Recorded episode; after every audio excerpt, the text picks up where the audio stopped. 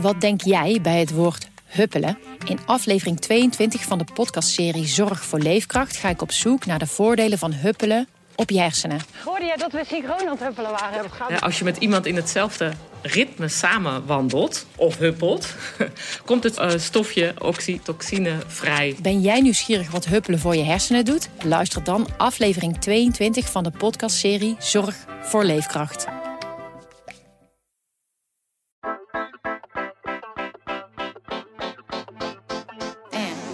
Carrière waar je gelukkig van wordt, gaat niet alleen over zoveel mogelijk uren maken of steeds hoger opkomen. We zijn allemaal op zoek naar de balans tussen werk en privé.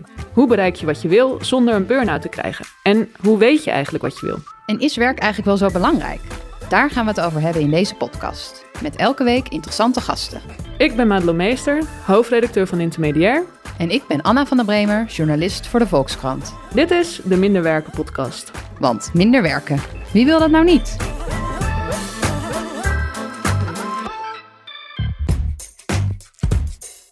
Anna, zou jij eigenlijk minder willen werken?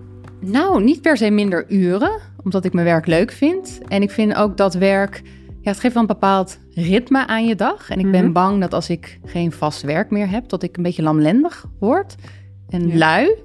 Dus, eh, maar het idee van echt die vrijheid, dat je gewoon kan kiezen wanneer je wil werken en wat precies, dat, dat klinkt wel aantrekkelijk. Ja, ik heb hetzelfde als jij. Het lijkt me heel erg luxe om 's ochtends wakker te worden en je hebt even geen zin in je werk om dan te denken, ik ga vandaag gewoon iets anders doen.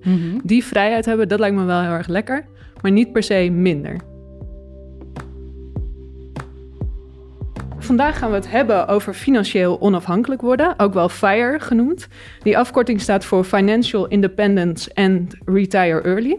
Het is een beweging van mensen die ernaar streven om op hun 40ste met pensioen te kunnen, omdat ze genoeg geld hebben verdiend en zuinig hebben geleefd. En we gaan over dit onderwerp praten met twee gasten die er zijn aangeschoven. De 35-jarige Ernst-Jan Fout, die we, ja, die we kennen als een van de oprichters en de CEO van het journalistieke platform De Correspondent.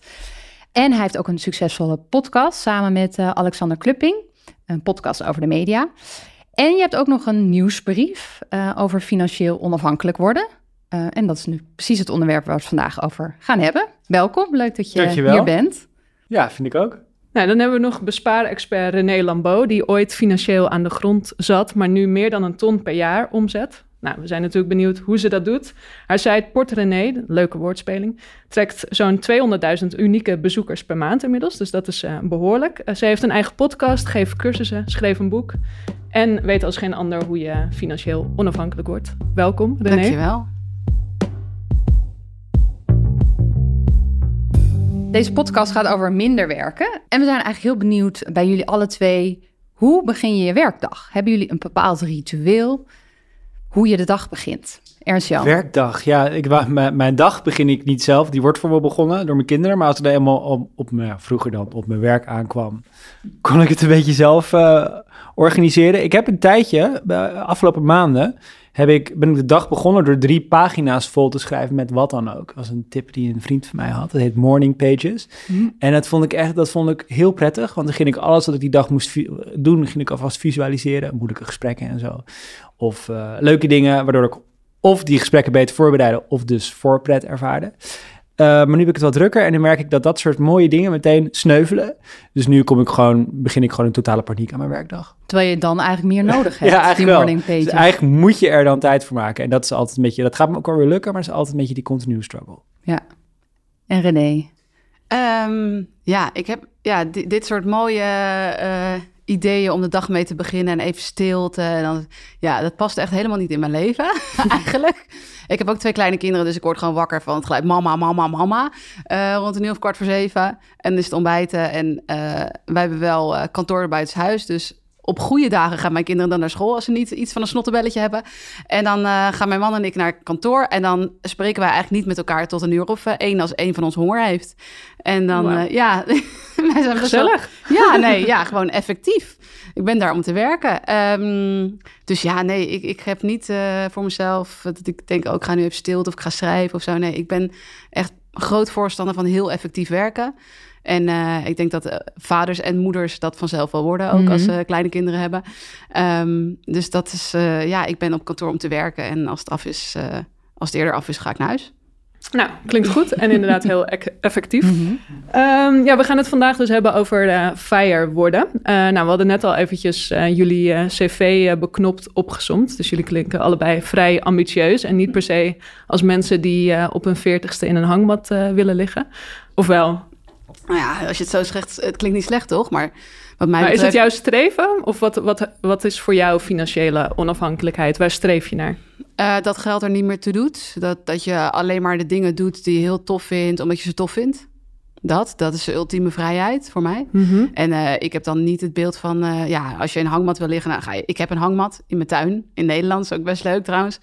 Eh, maar ik heb niet zoiets van, nou, als ik dat bereik, dan ga ik naar, eh, daar naartoe waar de zon altijd schijnt en dan begint mijn leven of zo. Nee, ik heb nu ook een heel leuk leven, maar eh, de, ehm, het wegvallen van de druk van financiën is natuurlijk een mooie bevrijding, denk ik, voor iedereen. Ja, maar je werkt niet bewust toe naar op je veertigste met Nee, pensioen of Ik werk niet naar een of- specifieke datum toe, maar ik ben wel heel bewust van, ehm, veel bewuster denk ik dan andere mensen om mij Mhm. heen, bezig met van, eh, ja, vermogen opbouwen. Dus, en hoe pak ik dit aan?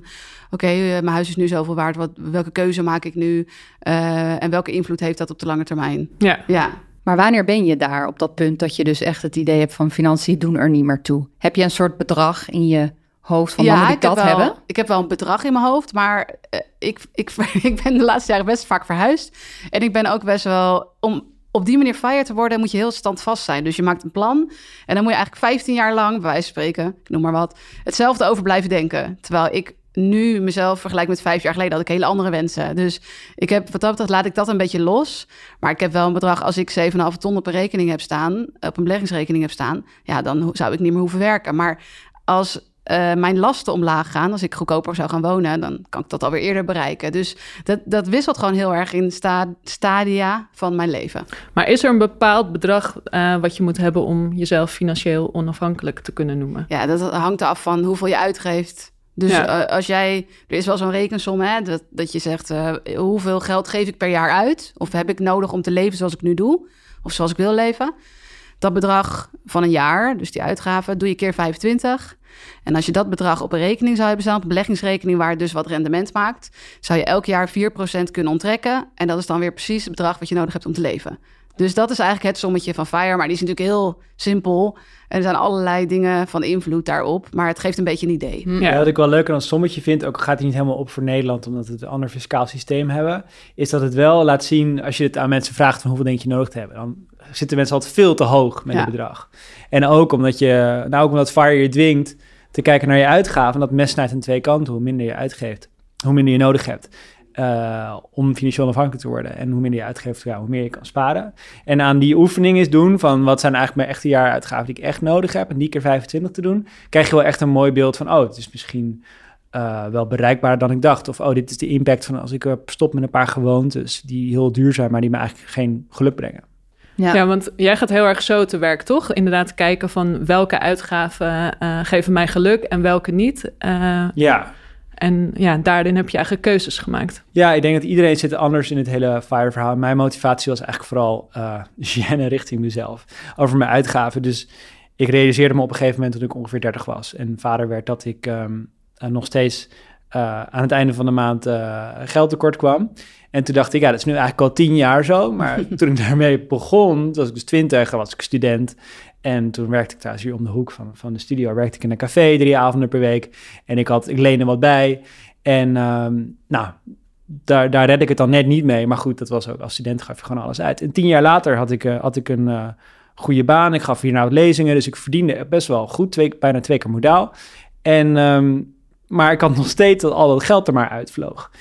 En dat is op, het is logisch dat je een iets ruimere levensstijl hebt als je een jonge vader bent en dat je niet meer op een studentenkamer eh, woont. Mhm. Maar het is niet logisch dat, dat eh, eh, het, ja, ik had de gulden middenweg duidelijk gemist. En dat was voor mij motivatie om te gaan verdiepen. Toen heb ik al mijn eerste heel degelijke financiële boeken gelezen, die me niet echt grepen. Maar het verhaal van FIRE, met die 25 keer je jaaruitgave, dat greep me echt. Ook omdat er een soort empowerment uitspreekt. En toen ben ik ermee aan de slag gegaan. Ja. Dus ik heb geen duidelijke datum in mijn hoofd. Of zelfs niet echt dat richtbedrag meer. Maar wel, het helpt me wel regie te nemen over mijn uitgaven. En als je, je beschrijft dat kantelmoment, dat je eigenlijk dacht, ik moet volwassener zijn dan ik nu ben eigenlijk qua Ja. financiën. Zag je dat ook bij jouw vriendengroep bijvoorbeeld? Dat dus veel dertigers eigenlijk nog eh, rood aan het staan waren en eigenlijk maar een beetje aan het aanklungelen waren qua financiën. Eh, nou ja, wat, wat voor mij echt een doorslaggevend iets was, wat ik ook al bij andere vrienden zie, is dat mijn financiële verantwoordelijkheid beperkt zich altijd tot mezelf. En toen ik vader werd, had ik een bredere financiële verantwoordelijkheid. En toen vond ik het gewoon echt gênant hoe ik ermee omging. En dat zie ik wel bij, bij, bij meer vrienden. Eh, maar ik moet wel zeggen dat tot bij mijn vriendengroep was ik wel degene met het grootste gat in mijn hand. Ja, oké. Ja. En hoe heb je daarin dan een keuze gemaakt van wat je, waar je wel ge- geld aan wil uitgeven en wat niet? Hoe eh, heb je echt een lijstje gemaakt en gekeken van, nou hier word ik niet gelukkig van en hier wel? Ja, ik heb van alles geprobeerd. En als ik er nu op terugkijk, wat denk ik het meest effectief is geweest, is eerst gewoon inzicht krijgen in waar het geld überhaupt heen gaat. En dat was voor enorm confronterend. En hoe deed je Eh, dat? Gewoon een Excel-sheet eh, erbij pakken? Of? Ja, ik heb wel eigenlijk allemaal banktransacties van een jaar geëxporteerd. En die ben ik met de hand doorgeploegd. Het is een beetje extreem. Kan ook, kan, kan ook gewoon met software. Maar ik, ik, ik vond het eigenlijk wel interessant. Want ik gewoon echt wilde... Ik wilde echt ervaren, alles met de hand doorploegen. En ik merkte, ik had ook die software wel gebruikt... die het gewoon automatisch voor je indeelt. Maar daar voelde ik niet zoveel bij. Dat bleef een beetje abstract. Terwijl echt zelf categorieën maken, toegespitst op mijn leven... dat, dat confronteerde met mijn horeca-uitgaven... of mijn thuisbezorgde uitgaven... Uh, nou, dat, dat soort dingen. Of citytrips. Dan dacht ik, ga ik niet duur op vakantie naar Bali of zo, maar dan doe ik een citytrip. En dan bleek ik dat uiteindelijk veel duurder te zijn dan als ik naar Bali was gegaan. En ehm, eh, nou, dat, dat soort eh, dingen, maar ook gewoon meer, dat zijn natuurlijk allemaal vrij elitaire voorbeelden, maar ook gewoon dichte, ook, ook eh, bijvoorbeeld verzekeringen of abonnementen gaf ik allemaal veel te veel geld aan uit. Boodschappen, ja. En, eh, ehm, dat, maar wat voor mij de echte de doorslag gaf toen ik het inzicht helemaal had, was een, eh, een oefening om op te schrijven wat zijn nou de tien dingen op wekelijkse basis waar ik gelukkig van werd, word. Eh, deed, ik samen met, eh, doe ik, deed ik samen met mijn vrouw. En toen gingen we dat lijstje vergelijken met uitgaven. En dat kwam helemaal niet overeen. Hmm. Eh, dus ik gaf dingen uit en dingen, ja, aan activiteiten die me helemaal geen geluk brachten. We hadden een vakantiehuisje waar we dan eh, veel te weinig kwamen. En we hadden op ons lijst staan, worden gelukkig van tijd doorbrengen met de vrienden. Maar die vrienden waren niet in de buurt van het vakantiehuis. En, eh, dus ja, dat, dat soort dingen hebben we toen veranderd. Ja. En lagen jullie daarin ook op één lijn? Want ik kan me ook voorstellen dat bijvoorbeeld je vrouw wel heel blij werd van dat vakantiehuisje en jij niet. Of wa- was dat... Nou, ik denk dat de beste gesprekken over geld in een relatie niet over geld gaan, maar over wat er achter, achter steekt. En daar hebben we dus gewoon over gepraat, wat onze motivaties zijn. En daar, daar vonden we elkaar uiteindelijk wel. Niet, dus Ja. niet over een of ander één bonnetje of zo. Daar kan je volgens mij heel makkelijk ruzie over krijgen. Ja. Ja, Maar niet over wat is nou eigenlijk de rol van geld in ons leven, wat is de motivatie. ja. Wel, Wat Maar dat lijkt me toch best lastig. Want kijk, het hele idee van besparen. Ik denk dat iedereen dat ja, goed in de oren klinkt. Oh ja, dat wil ik ook doen. Nou, dat Maar is toch, zo eh, hoor. Nee? Nee, heel veel mensen hebben daar heel negatief gevoel bij. Van, eh, Ja, maar oké, Ja. laat ik zo zeggen. Iedereen wil wel geld overhouden. ja, dat Maar om klinkt dat beter. te, eh, te bereiken. Ja, er spelen zoveel eh, complexe zaken rondom geld. Hoe je je verhoudt tot geld, hoe je denkt over geld. Vaak heb ik het idee dat dat in je jeugd ontstaat. Van hoe gingen je ouders om met geld? Hoe zorg je nou dat je, je kunt het wel willen, maar dat je het ook echt doet? Wat besparen, geld overgaan. Ja, en dat je dus in de Albert Heijn loopt en dan dus wel... Ja, maar dat is leuk dat we het hierover hebben met betrekking tot FIRE. Want FIRE is het de ultieme motivator. Ik weet niet of jij dat eh, ook zo ervaart. eh, maar als je op een gegeven moment een stip aan de horizon hebt... of je weet iets wat voor jou heel belangrijk is... waarvan je denkt, oh, als ik dat toch eens zou bereiken... eh, dan, dan ga je opeens heel anders naar dat geld kijken. Als je, als voorbeeld, even een kleiner voorbeeld. Stel, jij wil eh, vrienden zeggen van... we gaan met z'n allen naar de Ardennen, ik noem maar wat. Ehm, en het kost 250 euro om mee te gaan. Dan heb jij die 250 euro, als je heel graag wil, zo bij elkaar... Want dan, dan zie je opeens van, oké, hier kan ik het besparen. Ik neem even, geen, neem even zelf brood mee. Ik haal het even niet op het station. En dan nog een paar dingetjes en dan heb ik het bij elkaar. Dus als je een doel hebt, het besparen aan zich is natuurlijk, ja... De, Waar doe je het ja, voor? Ja. dat is gewoon, dat is heel abstract. Ja, dan hou je muntjes over of zo. Maar zodra je er een emotioneel doel aan verbindt... dus in dit geval bij FIRE dan bijvoorbeeld vrijheid... Hè, of echt een verandering van je leven... dan ga je geld opeens heel anders zien. En dat vind ik er ook zo leuk aan. En dat zeggen wij ook altijd van... eh, sparen, zomaar sparen of zo. Of zomaar vermogen opbouwen. Ja, wat is dat nou? En, en hoe lang hou je dat dan vol als je daar niet echt iets bij voelt?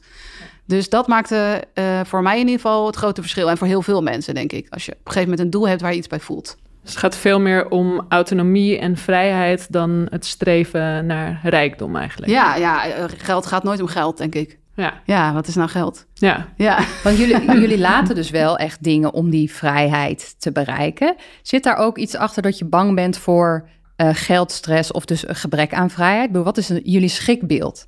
Ja, nou, dat heb ik er, wel ervaren. Dat totaal onnodige financiële stress trouwens, omdat ik gewoon genoeg verdiende, maar dat met voor mezelf wist te organiseren dat ik toch geldstress had. Dat vond ik heel vervelend. ook omdat je geen, ik ben ondernemer, dus uh, ik heb geen pensioen in principe.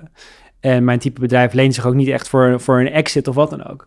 Dus uh, op een gegeven moment begon ik daarover na te denken van ja, ik ben helemaal niks aan het opbouwen. En de, daar, daar wil ik de regie over nemen. En dat, dat ik dat nu doe en dat ik daar bewust mee bezig ben, geeft me ja, veel meer een gevoel van grip en ook veel meer denkruimte voor andere dingen. Ik zit niet meer in de overlevingsmodus van haal ik het einde van de maand. Dat is gewoon geen factor meer. Ja, dat is geen verrassingen meer. Ja. Nou, wij, wij hadden het daar ook over toen we deze podcast aan het voorbereiden waren. Dat we, we raakten heel geïnspireerd toen we alles aan het, uh, aan het lezen waren. Um, maar de ervaring leert ook eigenlijk dat we het na een week vaak weer kwijt, uh, kwijt zijn. Ik heb net hier ook weer voor 2,80 euro koffie gekocht. Dus ja. je zei, je had het inderdaad uh, over van ja, ja als, je het, uh, als je echt je dromen in gedachten houdt, dan lukt het. Maar is er nog, is er nog meer wat, wat ja, ons zou kunnen helpen, zeg maar, om, om dat echt vast te houden. Ja, want ik heb eerder een stuk uh, geschreven voor de Volkskrant over je financiën op orde. Dat is twee jaar geleden. Ik ben weer terug bij af, gevoelsmatig. En toen kwam ik er dus achter dat ik 160 euro per maand uh, uitgaf aan eten op stations. Omdat ik ja. wel veel voor werk en... Bizar, nou ja, toch? Ja. Dat is bizar. maar ik, toen ik dat dacht, oh, dat moet dus minder. Toen ben ik daar heel erg op gaan letten. Maar dat vond ik, voelde zo naar dat ik dacht, oh, ik mag nu geen koffie, maar eigenlijk ja. wil ik het wel. En ik toen besloten van, ik heb helemaal geen zin om dit te laten. Het voelde voor mij dus, de comfort was dus kennelijk wel zo belangrijk dat ik dat wilde blijven doen. Maar ik vond het dus heel moeilijk dingen in mijn leven te vinden die ik dus bereid was op te offeren om dus meer geld over te houden. Ja, maar dat is, als dat jouw conclusie is, dan is dat jouw conclusie. Als jij denkt, ik moet die koffie inleveren, maar oh, wat mis ik het zo erg in mijn leven dat het mij 160 euro per maand, ik ga dan zo vooruitrekenen, wat is dat per jaar, per 30 jaar of zo, maar dat is met helemaal waard. Nou, uh, go for it, zou ik zeggen, weet je. Ik bedoel, wie is dan, wie is er iemand om tegen jou te zeggen, dat moet je niet doen? Ja, ik ben daar niet zo hardcore in. Ja, maar... het, gaat, het gaat denk ik ook om de grote, de, grote stappen die je neemt. Dus ik had vroeger, als ik dan gesprekken met, in, over geld voerde, voelde me altijd een beetje de domste van allemaal. omdat dan mensen over rentepercentages en geld schuiven hier naartoe of doe dit fiscale dingetje. En dan dacht ik, ja, dat weet ik allemaal niet, waar moet ik beginnen? Ik ben inderdaad nog 160 euro per maand uitgeven op het station. Maar ik merk dat het... Uh, ja, nou, ja, misschien bij mij wel meer was zelfs, maar ik ben niet zo dapper dat ik, dat ik een getal noem zoals jij. En um, in ieder geval, toen, uh, als je echt grote, um, ik ben toen een paar grotere besluiten gaan nemen en die maakte, uh, maakte voor mij wel echt een impact. En dan gaat het niet om die ene afhaalkoffie af en toe, wat ik nog steeds doe en dan van geniet, maar meer dat ik bijvoorbeeld geen, ik rij nu een auto die ik cash heb kunnen afrekenen uit 2005. En uh, terwijl mijn eerste instinct toen ik een auto wilde gaan kopen was net, of, uh, was net als mijn vrienden om me heen, allemaal die allemaal mooie elektrische BMW's, dat soort dingen hadden. Die wilde ik in mee. Toen dacht ik, waarom eigenlijk? Ja, voor status, um, populariteit en uh, misschien ook een beetje van het is een mooie auto, maar vooral die eerste twee dingen.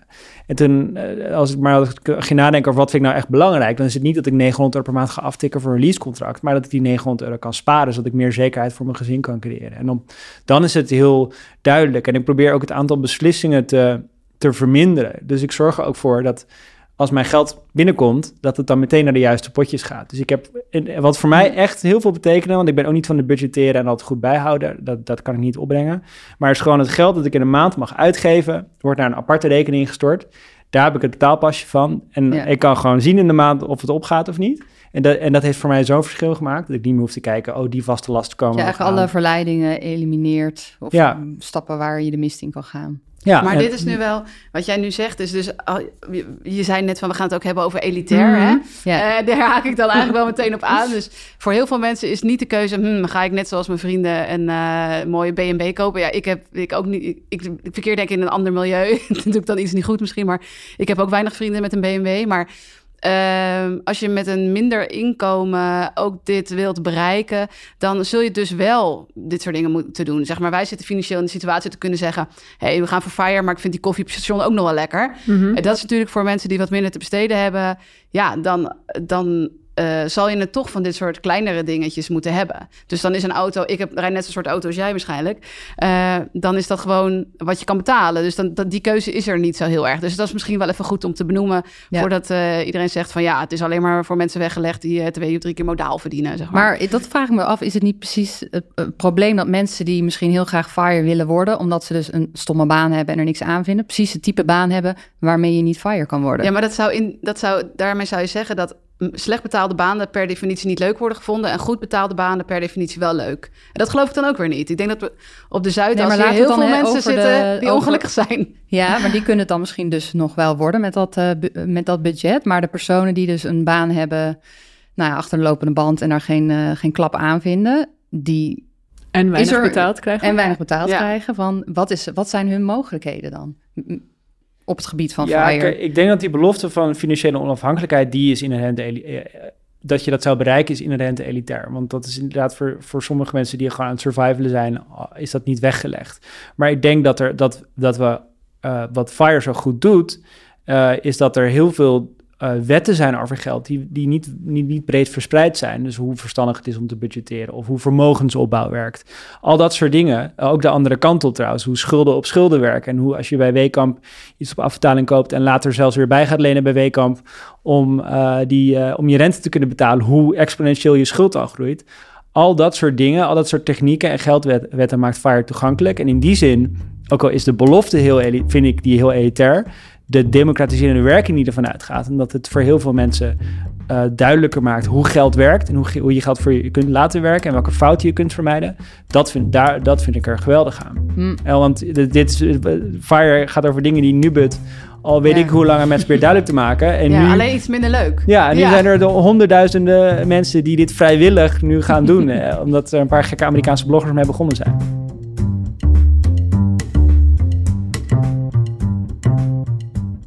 Aflevering vragen we een interessante iemand naar zijn of haar ideale werktip. En deze keer bellen we met columnist, schrijver en cabaretier Paulien Cornelissen. Het geluid van onweer is super. Want het is niet echt muziek of zo. Ja, het is dus niet muziek waar je op moet focussen. Dus het is meer een soort achtergrond iets. En je denkt ook, oh, het onweert. Wat zit ik lekker binnen? Wat hoef ik... Wat zit ik lekker in mijn warme kamer een beetje te tikken? En dan uiteindelijk, als je klaar bent met werken en je zet je koptelefoon af, dan is het ook van, oh, het onweer is voorbij. Het is lekker weer. Ik ga naar buiten. Ah, en hoe ben je op, eh, bij dat onweer eh, terechtgekomen? Ja, ik vind het gewoon een heel prettig geluid sowieso. Dus toen dacht ik, is dit niet... Ja, je hebt toch ook wel mensen die bijvoorbeeld om te slapen of zo natuurgeluiden dat, eh, afdraaien. Dat hoef ik dus zelf niet. Maar toen dacht ik wel, hé, hey, ja, dat zal er wel zijn. En inderdaad, er zijn gewoon heel veel onweergeluiden op, eh, op Spotify te vinden. Dus die luister ik dan. Daar ga ik heel goed op.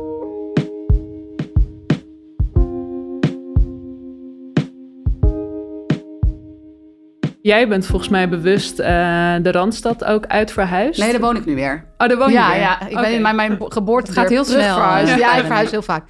Maar het, wat je zegt klopt. Ik heb een tijdje in Zwifterband gewoond. Ja. En dat was, echt, dat was dus echt eh, om te besparen. Dus op die manier geld opzij te kunnen zetten... en uiteindelijk weer naar de Randstad te kunnen nou, het verhuizen. zat iets ingewikkelder. Ik had met mijn man een aantal jaar op Curaçao gewoond. Mhm. En toen kwamen we terug. En als je dan naar, lange tijd naar buitenland gaat... dan moet je je bedrijf opheffen. Dus ik kwam terug. Toen dacht ik, nou, dan ga ik een huis kopen. En toen zei de bank, ja, maar je bent pas twee maanden bezig. Ik zeg, twee maanden bezig? Ja. Dus ik was weer een heel nieuw bedrijf zonder cijfers. Dus we konden eigenlijk niet zoveel lenen. En toen ben ik gewoon op uh, gaan kijken, nou, waar kan je dan goedkoop wonen nog? Dus toen hebben we een, een tussenwoning gekocht in Zwifterband, waar toevallig wel mijn mans oma woonde, maar dat was dan ook echt alles wat we daar hadden, voor 142.000 euro. En dan hadden we vier slaapkamers en alles erop en eraan. Um, en die financiële, uh, ja, het financiële voordeel daarvan, dat kwam eigenlijk pas later toen we daar woonden, dacht ik, shit man, hier houden we echt veel geld over uh, dat, we dat, uh, dat we hier wonen. Dus ook op een gegeven moment konden we wel duurder. Maar toen dachten we, ja, we dus blijven hier ja, wonen. Nou, we hebben daar wel echt een, een, best wel een mooi vermogen op kunnen bouwen. Want we betaalden een paar honderd euro aan de hypotheek. Ja, ja. ja Die keuzes maken lijkt me ook lastig. Maak je daar niet ook soms eh, de verkeerde keuzes. Ik had de dag van tevoren wel een beetje stress. Ik dacht, waar ben ik aan begonnen? Uh, ga ik daar wel blij mee zijn? En toen zei mijn man ook, ja, als we het niet leuk vinden, gaan we toch gewoon ergens anders naartoe. Ja, ik bedoel, we hadden één kind van twee. Wat kon ons nou gebeuren? Ik bedoel, we zaten nergens aan vast.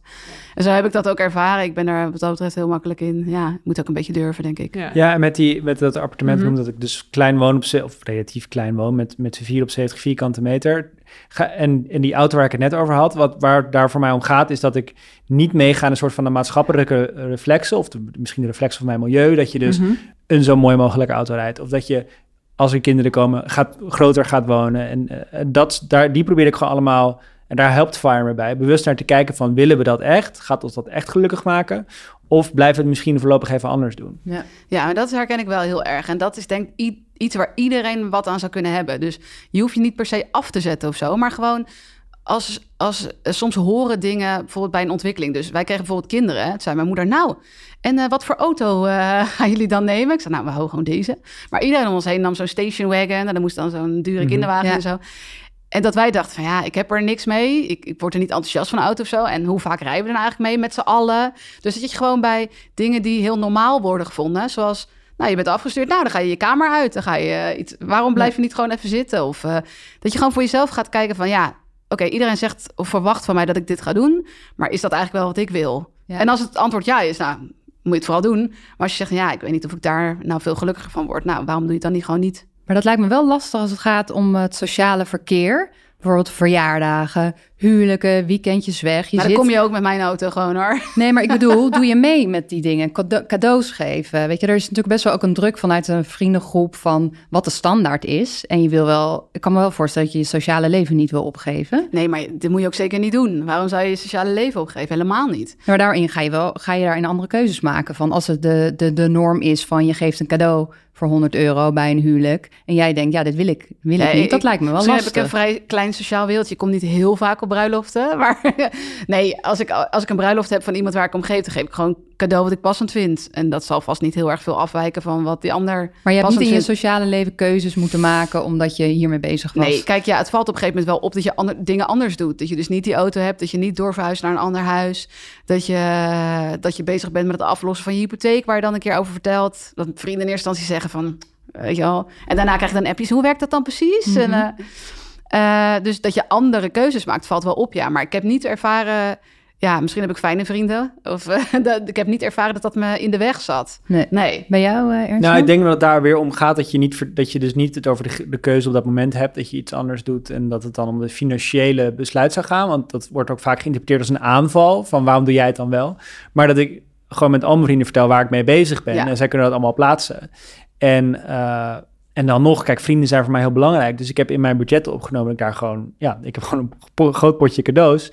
En ik zorg ervoor dat als ik mensen cadeaus geef, dat ik altijd activiteiten geef. Uh, zodat we iets samen kunnen gaan doen. Waardoor ik wel dat, dat geld eraan uitgeef, maar ook weet, we brengen nu samen tijd door. Dat vind ik het allermooiste in onze vriendschap. Uh, en uh, dat zijn vrienden nu ook aan mij terug gaan geven. Waardoor we twee keer per jaar iets heel leuks doen met elkaar. Ja. En um, het gaat dus echt niet om vrekkigheid of zo. Het gaat niet om dat je niet dat rondje geeft. Dat je die, dat je die ene, uh, ene, ene vriend wordt die nooit een rondje geeft. Daar gaat het niet om. Ik geef met liefde rondjes. Want ja, ik weet dat, dat ik dat belangrijk vind. Dan bezuinig ik weer op, weer op, and, op andere dingen om dat mogelijk te maken. Maar, doet het, maar doet het dan geen pijn om dat rondje te geven? Als je zo... Nee, want ik vind het toch hartstikke... Nou, ik, inmiddels wil ik al heel graag een rondje geven na een jaar. maar uh, nee, want ik vind dat het belangrijkste dat is. Het staat in mijn lijstje van, van tien dingen waar ik op wekelijkse basis gelukkig ja, van nou, dat herken ik ook wel. Wij hebben ook gewoon een potje leuke dingen doen. Super suffe naam, maar gewoon... Ja, dat je gewoon een keertje met, met vrienden, als dat er ooit weer kan, uit eten gaat. Of samen dingen die, die geld kosten. Er zijn ook heel veel leuke dingen die geld kosten. Ik ben een groot fan van dingen die geen geld kosten. Maar ik doe ook heel graag dingen die wel geld kosten. En maar als je dat op een gegeven moment gewoon in je systeem hebt zitten... en in je budget hebt opgenomen... Nee, ik heb niet, ervaar dat dan niet dat het pijn doet. Want het geld is daarvoor bedoeld. Dus ja. Uh, ja. Ben je dan nou creatiever geworden in wat je, wat je geeft? Nou, ik ga niet uh, frutsels maken en tekeningen van mijn kinderen om onder... Kijk, oma, dan hoef ik geen cadeau te kopen. Wat een mooie tekening. Nee, dat doe ik dan weer niet. Maar ik herken wel wat hier gezegd wordt over uh, dus niet meer echt dingen geven. Ik denk dat het een beetje komt kijken bij als je met Fire aan de slag gaat. Dat je iets minder materialistisch wordt, dat je daarvan loskomt. Dus dat je ook ziet hoe leuk het eigenlijk is om dingen samen te doen, even ervaren. En hoeveel mooier die herinnering daaraan is dan van: kijk, ik heb hier dit. Uh, horloge gekocht, want volgens mij vond je die leuk. Of zo, weet je. Het is een heel ander gevoel. En een ander heeft daarbij, dat merk ik, ook veel meer het gevoel van... hé, hey, jij hebt er echt over nagedacht. Jij ziet mij, je vindt mij belangrijk... en je wil ook samen met mij iets doen. Ja. Dus dat herken ik wel, ja. Ja. En jullie hebben dus allebei in, in jullie begroting opgenomen uh, dat je ook leuke dingen blijft doen Ja. en een potje voor cadeaus. Ja, maar, Maar- het, ja, het zit ook wel, ik bedoel, ik wil niet een heel Hosanna verhaal van maken. Er zitten ook ingewikkelde kanten aan dat, en nogmaals, het is voor iedereen anders. En dat, maar dat, ja, dat als je andere keuzes maakt dan je vrienden, dus niet kast van een huis ergens buiten, eh, ergens koopt, maar, eh, maar klein blijft wonen bijvoorbeeld. Dan dat, dat is een bewuste keuze en daar praten we ook over. En dat is, maar het, het is moeilijk om niet aan die sociale druk mee te Ja. geven. Je bent Mhm. wel echt anders op dat moment. Ja. Ja. Eh, Nou dus ja, het is en, niet en alleen ga maar je heel, niet ook toch, weet je, wel, als je dan bij een vriend bent en die heeft wel zo'n kast van een huis, dat je denkt, nou, is toch wel, is toch wel heel comfortabel om iets meer Ja. ruimte te hebben Ja, met twee ik kijk weer naar mijn Ja, lijstje. dat is waar. Ja, dat is waar. Ik denk, oh, dat is echt wel lekker hoor. 70 vierkante meter met twee kinderen. Ja, dat gaat. Ik bedoel, mijn kinderen worden, bereiken nu ook een leeftijd dat we ook wel gaan kijken naar iets anders. Maar eh, wel echt een stuk later dan de, dan de meeste. Ja. En, en heb je dat dan ook bijvoorbeeld als je eh, uit eten gaat, wat nu natuurlijk niet kan, maar dat je dan denkt, oh, die maaltijdsalade is toch eh 10 Goedkoper? euro goedkoper. Ik heb dat dan- niet, maar mijn man wel. Dus als wij uit eten gaan, dan kijk ik hem altijd aan en zeg ik... kies gewoon wat je lekker vindt. Dat- En ik vind dat heel naar. Want ik denk, oh, dat hoeft helemaal niet. Zo vaak doen we dit niet. Geniet ervan. Maar, Maar ik moet- vraag me toch bij, oh, ik, ik hoor jullie nu, bederft het, ik, toch het gevoel van bederft het niet deels je levensplezier als je zo weet, nee maar alles van alles de waarde en de heet het nadenkt, dit kost zoveel. Ik ga nu uit eten Ja, maar- en dit, ik heb dit potje. Oh, nu is dus eh, maar zoveel over voor de rest van de maand. maar wat is dan wel heel leuk? Wat, wat is dan jouw Ja, gewoon definitie van lekker gewoon- onwetend zijn Ja, en, en lekker op dat moment genieten. En dan zie ik En met je kop in het zand en dan later denken... kut, eh, had ik maar niet gedaan of kom niet uit. Of, ja, dat vind ik dus heel relaxed. Maar, eh, maar dit is, zoals jij het ervaart... dat is echt een... Zo er- ervaar je het denk ik als je nog niet... ja, hoe leg ik dit nou uit? Zeg maar, ik denk dat voor ons dit gevoel helemaal niet herkenbaar is. Tenminste, ik herken het helemaal niet. Dat je denkt ja, van... ik was, ik was wel. Ik, ik heb dit ook wel gezegd en ik zei dingen als toen van eh, ik spaar, waarom zou ik sparen? Ik kan, mor- kan morgen over zijn. ja, Maar ja. voor mij is het toen, toen Mhm. is het eh, ja toch ben ik toch gaan kijken van ja, wat, wat, hoe kwetsbaar kan ik eigenlijk zijn of zo. En dat leverde me best wel veel stress op aan de ene kant. Dus ik wilde die rust en zekerheid voor, voor, mijn, voor mijn gezin. Ja. En aan de andere kant wilde ik, o- wilde ik ook gewoon... Ik zag dat ik dingen uitgaf aan waar ik gewoon... eh, waar ik ook zonder over na te denken, waar Ja. ik gewoon niet gelukkig van werd. Dus ik ga nog steeds... ehm, eh, mooi uit eten, maar ik- wat ik niet meer doe is heel vaak eten laten komen of eh, eh, naar, naar plekken gaan waar ik heen ga om te lui ben om te koken. Waar je eigenlijk niet echt van geniet. Ja, en dat scheelt me, dat scheelt me heel veel geld. Ja. Zonder ik daar echt wat op, op moet inleveren. Ja. Ja, dus als je het zo doet, dan hoef je eigenlijk helemaal niks in, niet zoveel in te leveren. En dan heb ik het nu gewoon als je, als je goed salaris hebt. Hè? Ja. Dan hoef je eigenlijk alleen onzin in te leveren. De dingen die je dus doet omdat je niet op tijd op bent gestaan. Of omdat je eh, gewoon even zonder nadenken iets eh, da- eh, niet goed geregeld hebt. Of omdat Ja. je even, even bestelt waar je eigenlijk niet heel erg van geniet. Vette hap of zo. Ja. Of, of die verzekeringen die je eigenlijk dubbel hebt. Of die... Weet er zijn zoveel... Ik geloof echt dat in elk huishouden, elk budget zitten er dingen waarvan je denkt... Nou, waarom heb ik dit eigenlijk? Of waarom doe ik dit eigenlijk? Als je daar al mee begint, denk ik dat, dat je best wel veel kan besparen. En dat zijn eigenlijk de mooiste besparingen. Want die geven je helemaal niet het gevoel dat je iets inlevert. Dat is natuurlijk Een klein voorbeeld. Jij had, eh, ik had net honger en jij had krentenbollen mee. dus ik kon daar één van jou eh, lenen. Toen dacht ik, jij bent voorbereid. Ik Ja. zou dus, als ik straks weer terug ga met de trein... Wil je nog Dan heb krentenbol voor je straks in de trein? Ja. mee, ja. ja, ik dacht wel, dit is wel echt een fire dingetje. Ja, dus eh, Ja. jij zei, ik heb honger. Moet, dan moet je iets, iets halen. En ik, ja, dat uit kost een hoop geld. automaat, dus- ook heel ongezond Ja, natuurlijk. ongezond ook. Ja, nou, ik weet niet of mijn krentenbollen van de budgetwinkel heel, heel gezond zijn, maar het voorkomt je Het gewoon. wel. Ja. Ja. het werkt gewoon wel. En is het nou dat je nu denkt van, oh, had ik maar naar die automaat gelopen om daar een Snicker of een Mars uit te halen? Nou, ook niet echt. En dit soort dingen doen we zo vaak. Maar let Eh, jij dan ook heel erg op aanbiedingen? Zo, je, zegt net budget, eh, bij de Nou ja, budgetwinkel. ik, ik, ga, ik woon vlakbij zo'n, eh, ik weet niet of ik het allemaal zeggen, maar zo'n winkel, weet je wel, met die, met die, blauwe, een be- beetje duurdere. ja. En ik ga er wel eens naartoe en dan sta ik naar de kassa en dan denk ik, fuck, weet je, maar wat doe ik hier? En dan heb ik gewoon veel te veel dingen meegenomen die ik eigenlijk helemaal niet wilde, maar die er wel heel lekker uitzagen. En dan geef ik veel meer geld uit. Dus ik vind het prettig om naar een andere winkel te gaan. Ik, ben ook, ik vind het fijn dat er dan twee soorten ketchup zijn in plaats van 15. Dus ook weer minder keuzes maken of zo. En ik ken de weg. Dus dat vind ik gewoon prettiger. Maar ik zie ook gewoon dat het on- onwijs veel geld scheelt. Ja. Ja.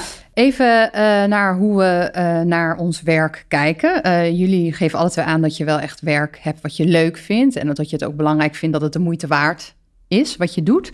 Ehm, eigenlijk een beetje het tegenovergestelde van de bullshit eh, baan, zou je kunnen zeggen.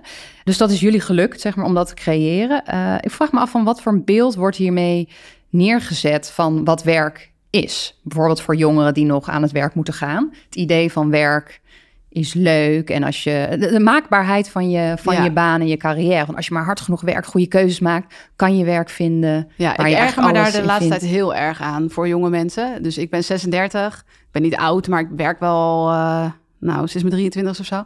Eh, ik vind het nu heel pittig voor jonge mensen, want je, er wordt al een paar dingen worden in het hoofd gestopt. Ten eerste, je moet meteen heel veel geld verdienen. De verhalen over 10.000 per maand, en weet ik wat allemaal, zeker als Mhm. ondernemers, echt denken, waar komt, wat is dit, weet je wel? Dit is totaal niet realistisch, maar oké. Dus dat wordt het in het kopje gestopt, wat al wat maakt gewoon een eerste normale baan al meteen al niet goed genoeg. En ten tweede leeft er de laatste jaren iets dat iedereen elke ochtend moet opstaan en moet zeggen: Yes, we mogen weer. En eh, wat vind ik mijn werk leuk? En ik vind mijn werk heel leuk. Maar ook ik word echt niet elke ochtend wakker dat ik denk van: Oh man, weet je wel, ik eh, ben extra vroeg opgestaan, want dan kan ik weer. Ik was. eh, Maar laat- draagt de FIRE-beweging bij aan dat beeld van... Hè, het is allemaal maakbaar als je maar hard genoeg... Eh, nou, het draagt natuurlijk wel een beetje bij aan het beeld over dat je met je financiën heel veel kan creëren. En dat is niet voor iedereen reëel. Laten we wel wezen, dat is natuurlijk wel zo.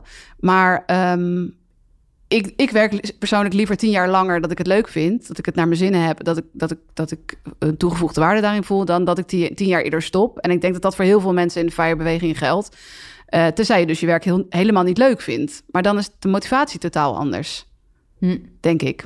Nou, ja, en wa, wa- in, als het over FIRE gaat, gaat het heel vaak inderdaad over hoe vroeg kun je met pensioen en eh, hoeveel, hoe kun je je inkomen maximaliseren. Dat als, maar Ja. als je in de FIRE-beweging zelf eh, die blogs leest, gaat het eigenlijk veel vaker over eh, nou, waar wij het net over hebben gehad. Dus bewust met je uitgaven of wat heb je eigenlijk echt nodig, wat brengt echt geluk.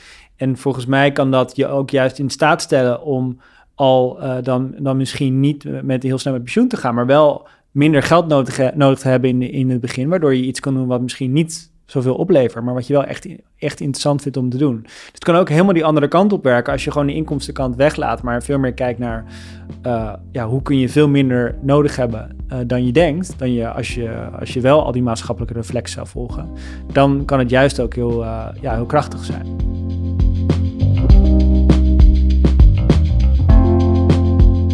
Leuk dat jullie hebben geluisterd naar de eerste aflevering van de Minder Werken podcast. In de volgende podcast gaan we het hebben over slimmer werken. Ja, want hoe zorg je ervoor dat je meer tijd overhoudt... door je werk anders en dus slimmer in te delen? Nou, daar kan ik nog wel wat hulp bij eh, gebruiken. Tot de volgende keer.